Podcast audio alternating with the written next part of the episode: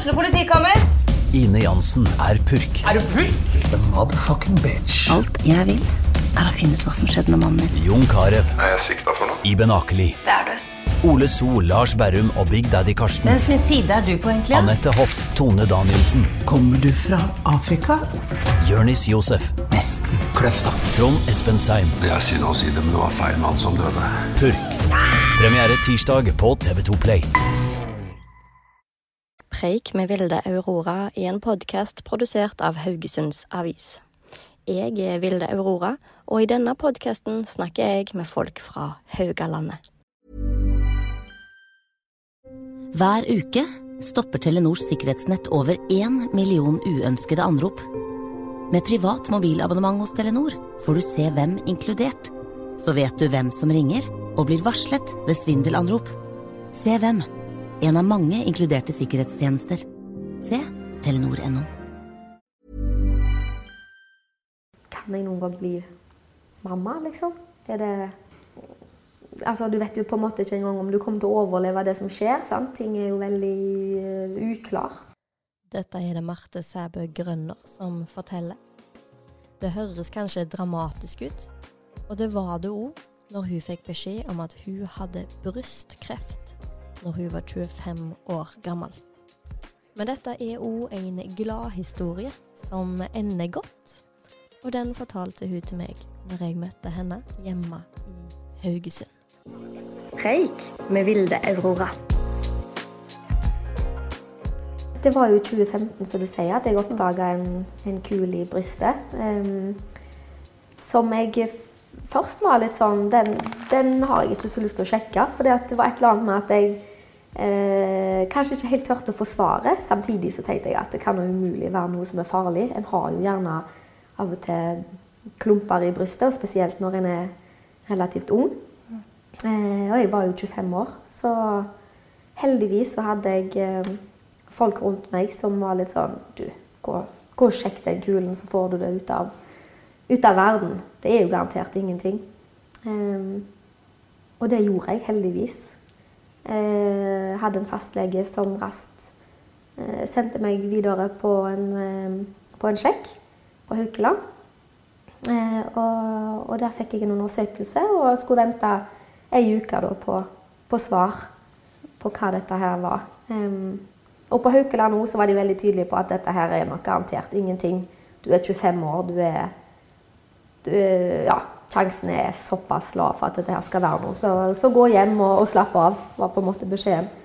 Um, så sjokket ei uke senere, når telefonen ringte og det var fra Haukeland, uh, og jeg fikk beskjed om å komme tilbake til dem, det var ja, det var rett og slett et enormt sjokk.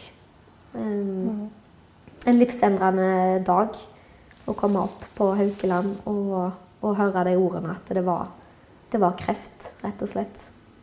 Mm. Hvordan ble, hvordan ble dagene, tida etterpå dette her? Først så var det jo veldig kaotisk på et vis. Jeg fikk jo um, altså, Sammen med meg på Haukeland den dagen jeg fikk beskjeden, så hadde jeg eh, samboeren min Jørgen, som dag er, jeg er gift med i dag.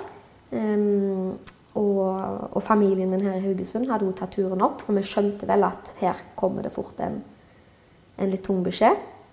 Eh, de første dagene var kaotiske. Det er vanskelig å sette ord på. Jeg har på en måte der gått som en helt frisk og fin 25-åring. Eh, som var i sitt livs beste form, egentlig. Em, som var en vanlig 25-åring som likte å trene, være med venner, reise. Em, hadde full jobb i TV 2 og var i full sving. Og så over natta så får du en beskjed om at du har eh, kreft. Og for min del så var det det farligste ordet jeg kunne høre, rett og slett. Fordi at eh, når jeg var 13 år, så mista jeg mamma til kreft.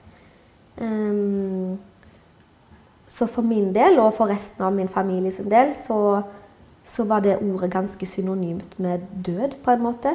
Noe som var veldig farlig, og noe som spesielt for min del hadde prega livet mitt ekstremt mye frem til det. Eh, traumatisk å miste mammaen sin i så ung alder. Og generelt òg, selvfølgelig, å miste noen som står så nær. Så det å få den beskjeden sjøl, det var ja, utrolig, utrolig spesielt.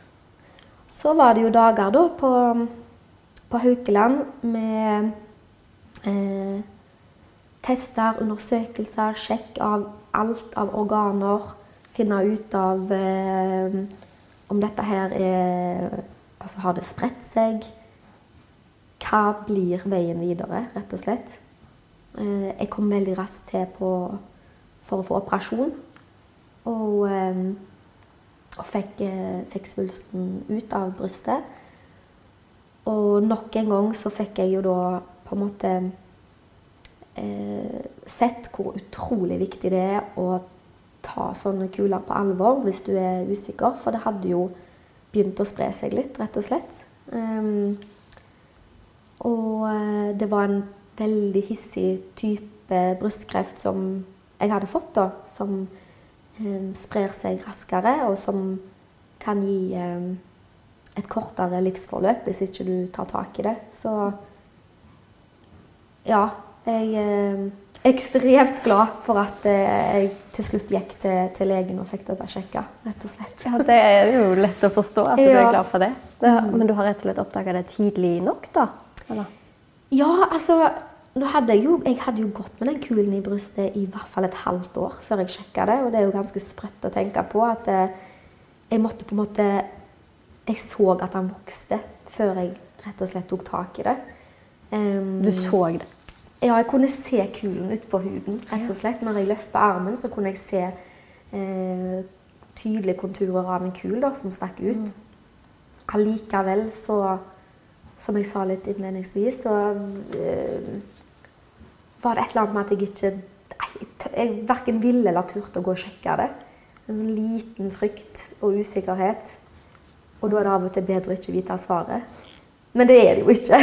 sant? Så så det at jeg til slutt eh, ja, fikk, fikk eh, sjekka dette og kom til behandling så raskt som jeg gjorde, det har vært eh, avgjørende for at jeg sitter her i dag, for å si det mm. rett ut. 20 år senere? Ja, 20 år senere. Så er du her. Mm. Men hvordan var den tida? Du fikk operasjon, og så mm. Hvordan var tida etterpå da? Først var det jo operasjon, å få ut eh, svulsten og kartlegge hva type kreft dette var, og hva type behandling jeg trengte videre. Som sagt var dette en hissig type brystkreft som eh, rammer rundt 15% av de som får brystkreft. Dette er HER2-positiv. Eh, jeg fikk lagt opp et eh, behandlingsforløp som var ganske intenst. Eh, mye behandling som jeg skulle gå gjennom. Jeg skulle ha åtte cellegiftkurer og eh, nesten 30 strålebehandlinger. I tillegg da til eh, minst fem år med hormonbehandling fordi jeg hadde en hormonsensitiv eh, svulst. Og òg da noen ekstra medisiner for akkurat den type brystkreft som jeg hadde, da.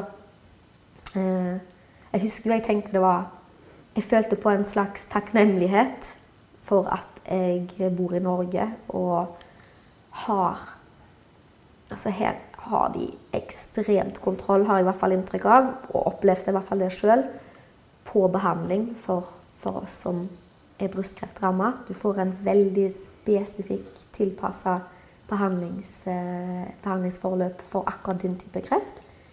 Um, så da var det å ja, komme i gang med all den behandlingen og rett og slett være i det eh, forløpet som du skulle gjennom, da.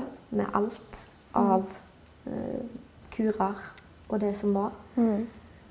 Og så i tillegg så um, Som sagt så var jo jeg 25 år på den tida, og um, jeg hadde lenge hatt et uh, ønske om å bli mor en gang i framtida var ikke klar for det akkurat da. Men eh, det var nok ikke mange år etterpå jeg hadde sett for meg at jeg kanskje skulle prøve å bli mamma. Så det var en del av det helt i begynnelsen av, av alt dette kaoset. At det, Jeg eh, spurte de rett ut på sykehuset er det, altså, hva betyr dette. Nå vet jeg at jeg skal ha så masse behandling som er knalltøff for kroppen. Um, kan jeg noen gang bli mamma, liksom? Er det Jeg vet jo ikke engang om jeg på en måte altså, Du vet jo på en måte ikke engang om du kommer til å overleve det som skjer. Sant? Ting er jo veldig uh, uklart. Og en vet jo ikke En har jo aldri vært gjennom det før. Så um, det som jeg fikk kommet i gang med da, før jeg uh, starta på all cellegiftbehandling og, og, de andre tingene, det var at jeg fikk uh, henta ut egg. Jeg gikk gjennom en, en, et sånn egguttaksrunde hvor jeg fikk henta ut uh, egg, da, og så, som jeg frøs ned. Uh, mine egne egg på Rikshospitalet ja. i, i, Oslo. Så som du hører, så var det, det var mange ting jeg på en måte plutselig måtte tenke på. Og som jeg kanskje ikke hadde Som jeg aldri hadde forutsett at jeg skulle tenke gjennom og måtte ta stilling til i den alderen der. Nei, Hvordan var det å ta stilling til det da? Det føltes veldig nødvendig ut, ja. uh, rett og slett. Um, ting er jo som sagt altså, du, du, er nødt til å snu om på, på alt på, det, på, et sånt tidspunkt og tenke hva For du vet jo ikke liksom, hva er det som skjer framover. Hva er det jeg kan gjøre nå, og hva er det jeg kan ta kontroll over. Hva er det jeg ikke har kontroll over, som andre bare er nødt til å styre. Um, så det prøvde jeg jo tidlig å, å, stille litt spørsmål rundt.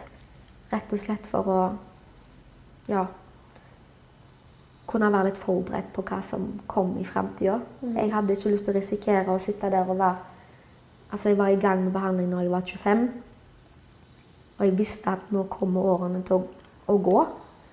Uten at jeg ante hva det innebar på det tidspunktet. Så um, her var jeg på en måte bare nødt til å, å, å se litt framover òg. Og tenke hva er det jeg kan gjøre. Mm for å komme meg best mulig gjennom dette og kunne en gang i fremtida få oppnå de tingene jeg vil. Mm. Mm. Hvordan, er, hvordan, var det der å kjenne at uh, noen ting har jeg ikke kontroll på? Og så å ta kontroll på noen ting? Ja, det er et godt spørsmål. Akkurat det med kontroll det er veldig vanskelig. Fordi at det, eh, det å kjenne på mangelen av kontroll det kan være ekstremt skummelt. Det er jo noe av det skumleste jeg kan kjenne på. Syns i hvert fall jeg. Um, og det å da kjenne at uh, her har jeg strengt tatt ingen kontroll. Jeg har aldri vært gjennom dette før. Um, og samtidig slippe andre til for å, å, stole på at de har kontroll på det de kan ha kontroll på. Det var en um, ja, det var en eh, heftig miks, rett og slett. Og det er jo klart at når du da opplever den type mangel på kontroll, så, så fører jo det med seg mye eh, psykiske utfordringer òg. Så det var jo absolutt ei tid i livet hvor jeg kjente på mye angst. Og, og hun opplevde mine første eh, angstanfall. Rett og slett fordi at du sitter der og kjenner på at nå nå har jeg ingen kontroll på noen verdens ting. Jeg skulle jo ikke havne oppi dette. Kreft har vært det skumleste jeg kan tenke meg, og nå har jeg fått det. Og jeg klarte ikke å holde kontrollen eh, på det. Og ja. Og så samtidig så øh, kjente jeg òg på en slags lettelse i enkelte perioder hvor uh, du finner sånne små Hva skal jeg si Sånne små merkelige gleder med at uh, ting går framover. At mm. du, du, ser at andre har kontroll på, på behandlingen din. Du stoler på at, uh, at ting skal gå bra til slutt. Eh, hver gode beskjed betyr enormt mye. Bare det å få høre at det liksom OK, dette her ser ut som det, det ser ut som kroppen din responderer bra på dette det er alt du vil høre i en sånn fase. Mm. Mm. Og du fikk jo et par av de beskjedene der. For du ble jo til slutt erklært frisk. -hmm. Jeg gjorde det. Um, så fort jeg var ferdig med, med all behandlingen. uh, da eh, Da var jeg jo i teorien frisk, og det var jo en helt ny fase i livet. Nå har jo jeg gått på hormonbehandling eh, helt fram til eh, våren 2021. Så samtidig så har jeg jo følt meg frisk lenge før den tid. Eh, det er jo noe med at uh, cellegift og strålebehandling er jo knallhardt for kroppen, men selvfølgelig jo for min del helt nødvendig for å komme seg gjennom alt. Eh, det og da, den tida etterpå, når du er ferdig med behandling For min del så, så var det først da jeg skulle bearbeide alt som hadde skjedd begynne å finne tilbake til meg sjøl igjen på et vis. Eh, prøve å leve mest mulig som normalt etter at ting på ingen måte hadde vært normalt over så lang tid. Og det var veldig Det var en spesiell fase i livet, på, på godt og vondt. Um, mm. Mm.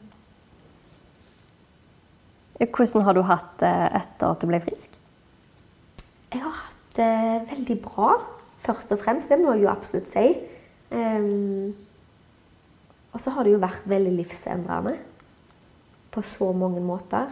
Um, det har Det har endra meg, naturligvis, fordi at hvis jeg skal trekke fram noen hva skal jeg si, gode ting, så har det jo gjort at jeg har jo opplevd at krefter kan en overleve. Jeg sitter jo her i dag, og det forholdet jeg hadde til kreft før, det var ekstremt eh, anstrengt, holdt jeg på å si, etter at jeg mista mamma, som sagt, og, og andre nære familiemedlemmer. Eh, så det å kunne se at det, det kan en faktisk bli frisk av, det kan en overleve. Forskningen og behandlingen og utviklingen, den har kommet seg noe vanvittig. Um, så det har jo virkelig vært godt for min del, da. Eh, og så er det jo det er kanskje litt klisjé å si, men det har jo gjort at jeg har satt mer pris på en del ting i livet som jeg kanskje ikke har tenkt på før. Um, og det er mange ting jeg ikke tar for gitt, som jeg kanskje har tatt litt for gitt før. Samtidig så har det jo òg satt sine spor. Um, jeg har vært veldig opptatt av å prøve å finne tilbake som sagt, til Eller ikke finne tilbake til noe, men eh, komme meg best mulig gjennom alt av de hvis jeg kan kalle det traumene som en kanskje opplever av å bli rammet av noe sånt. Så for min del så har eh, det å, å gå til psykolog og, og, få god behandling der, snakke med noen som står litt på utsida av alt, og eh, få bearbeida ting, det har vært eh, ekstremt viktig. Ikke minst det å være åpen. Både mens jeg var syk, men òg nå i etterkant når jeg, eh, når jeg har blitt eh, frisk. Så det å kunne snakke med folk om, om ting som har skjedd, og, og liksom både dele gode og ikke fullt så gode ting, det har òg vært en veldig, veldig god terapi. Rett og slett. Og så får en det jo mer og mer på avstand som årene går. Og det Jeg husker jeg snakket med eh, Mens jeg var syk, så husker jeg at eh, det var ikke så veldig mange på min egen alder som eh, hadde opplevd det samme. I hvert fall ikke med akkurat samme type form for kreft. Men jeg husker jeg snakket med ei, ei jente som faktisk het Marte Huo, som hadde fått brystkreft et par år tidligere. Og hun var like gammel som meg sjøl. Og um, hun, um, hun, sa til meg at det er kanskje vanskelig å se nå, sa hun mens jeg var syk, men om noen år så kommer du til å få det mer på avstand, selv om det virker helt sånn, helt umulig. Så vil ting på en måte bli Det vil bli bedre. Det vil bli mer fjernt. Du vil tenke mindre og mindre på det. Og det syns jeg var utrolig vanskelig å se den gang, men eh, det kan jeg virkelig si til andre som går gjennom det samme nå. At det vil, det vil faktisk bli bedre, og det vil Du vil få det mer på avstand. Det vil ta mindre plass. Um, tror i hvert fall jeg hos de aller fleste. Og folk reagerer selvfølgelig veldig ulikt i sånne situasjoner. Ingenting er rett, og ingenting er galt. Um, men jeg tror at um, å oppleve å få kreft, det vil alltid være med deg på et vis.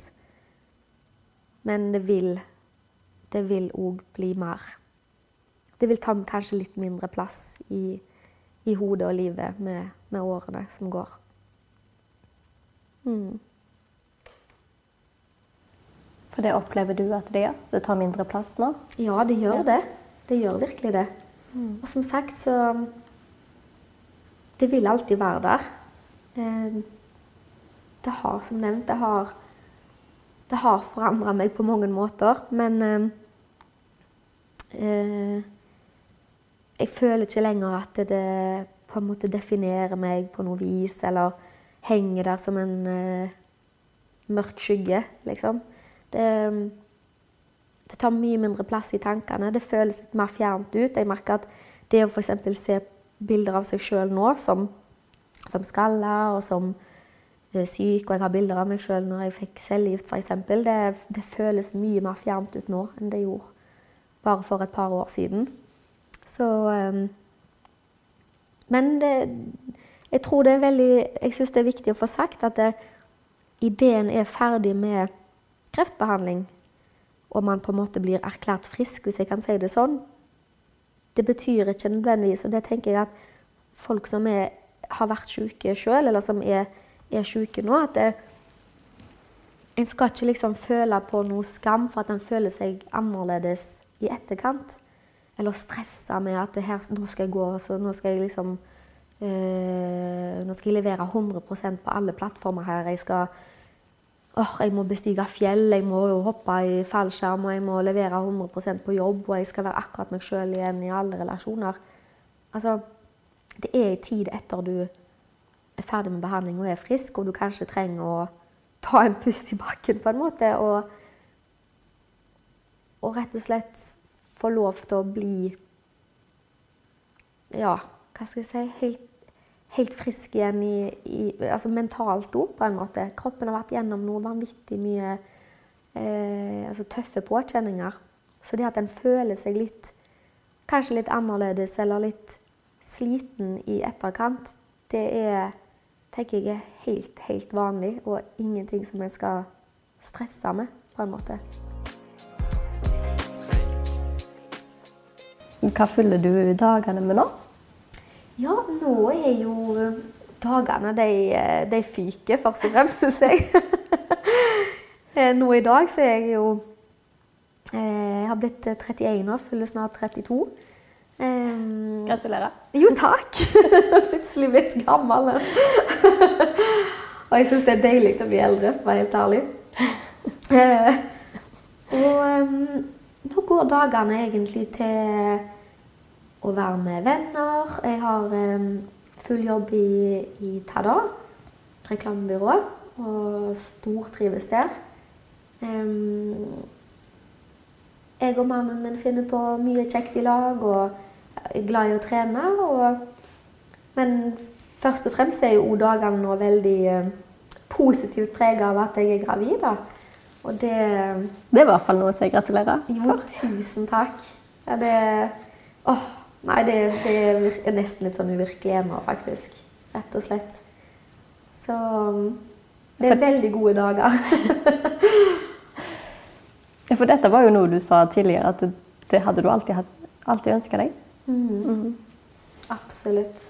Og det um, For noen år siden så virka det som en litt sånn uoppnåelig eh, drøm, faktisk. Mm. At det skulle skje en dag. Og samtidig så har jeg vært åpen for at på en eller annen måte så skal jeg bli mamma.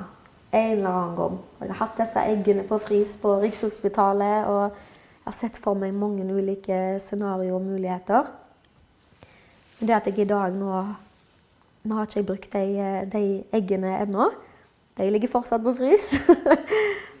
det at jeg sitter her i dag og er gravid og og eh, skal bli mamma i løpet av høsten.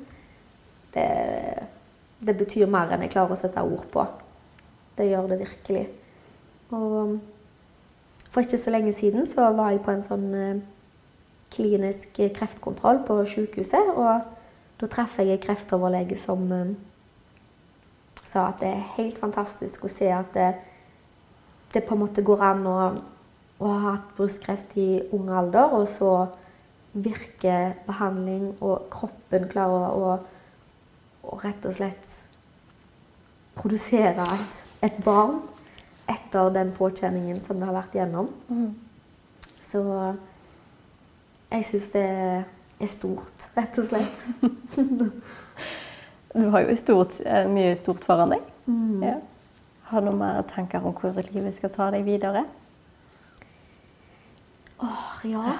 Altså Hva skal jeg si? Det er Igjen så er det sånn når jeg ser tilbake på hvordan livet var i 20-årene, så Fra jeg var, ble syk, så gikk jo årene til å på en måte komme seg gjennom all behandlingen og um, jobbe med, med, de påkjenningene jeg har vært gjennom i etterkant for å bearbeide ting mest mulig. Og, og nå sitter jeg her i dag og har det egentlig, kjenner liksom at jeg har det faktisk ganske bra. Jeg skal, selvfølgelig Noen dager så kjenner jeg på frykten for å bli syk igjen. Det kommer alltid til å være med meg. Um, men det tar mindre og mindre plass.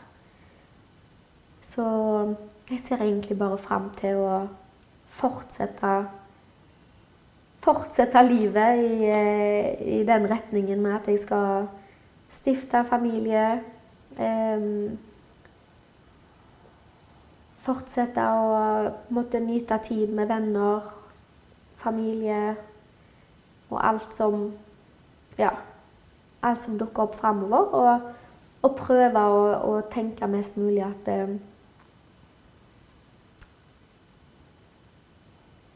Nå er jeg her og har, det, og har det fint, og at det skal jeg At det kanskje er litt fortjent, og at det kan jeg prøve å nyte. rett og slett. Det må være lov å si.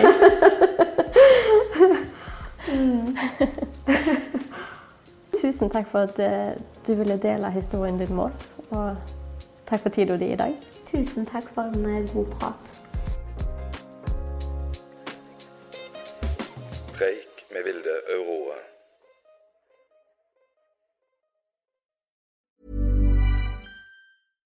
Stadig flere opplever å bli svindlet når de handler på nett. Med privat mobilabonnement hos Telenor får du nettvern inkludert. Et filter som advarer deg mot nettsider som inneholder virus, svindelforsøk eller skadelig programvare. Nettvern, en av mange inkluderte sikkerhetstjenester. Se telenor.no. Jeg er Vilde Aurora, og du har akkurat hørt en episode av Preik, en podkast produsert av Haugesunds Avis. Ny episode kommer hver torsdag. Følg òg gjerne Preik på Instagram.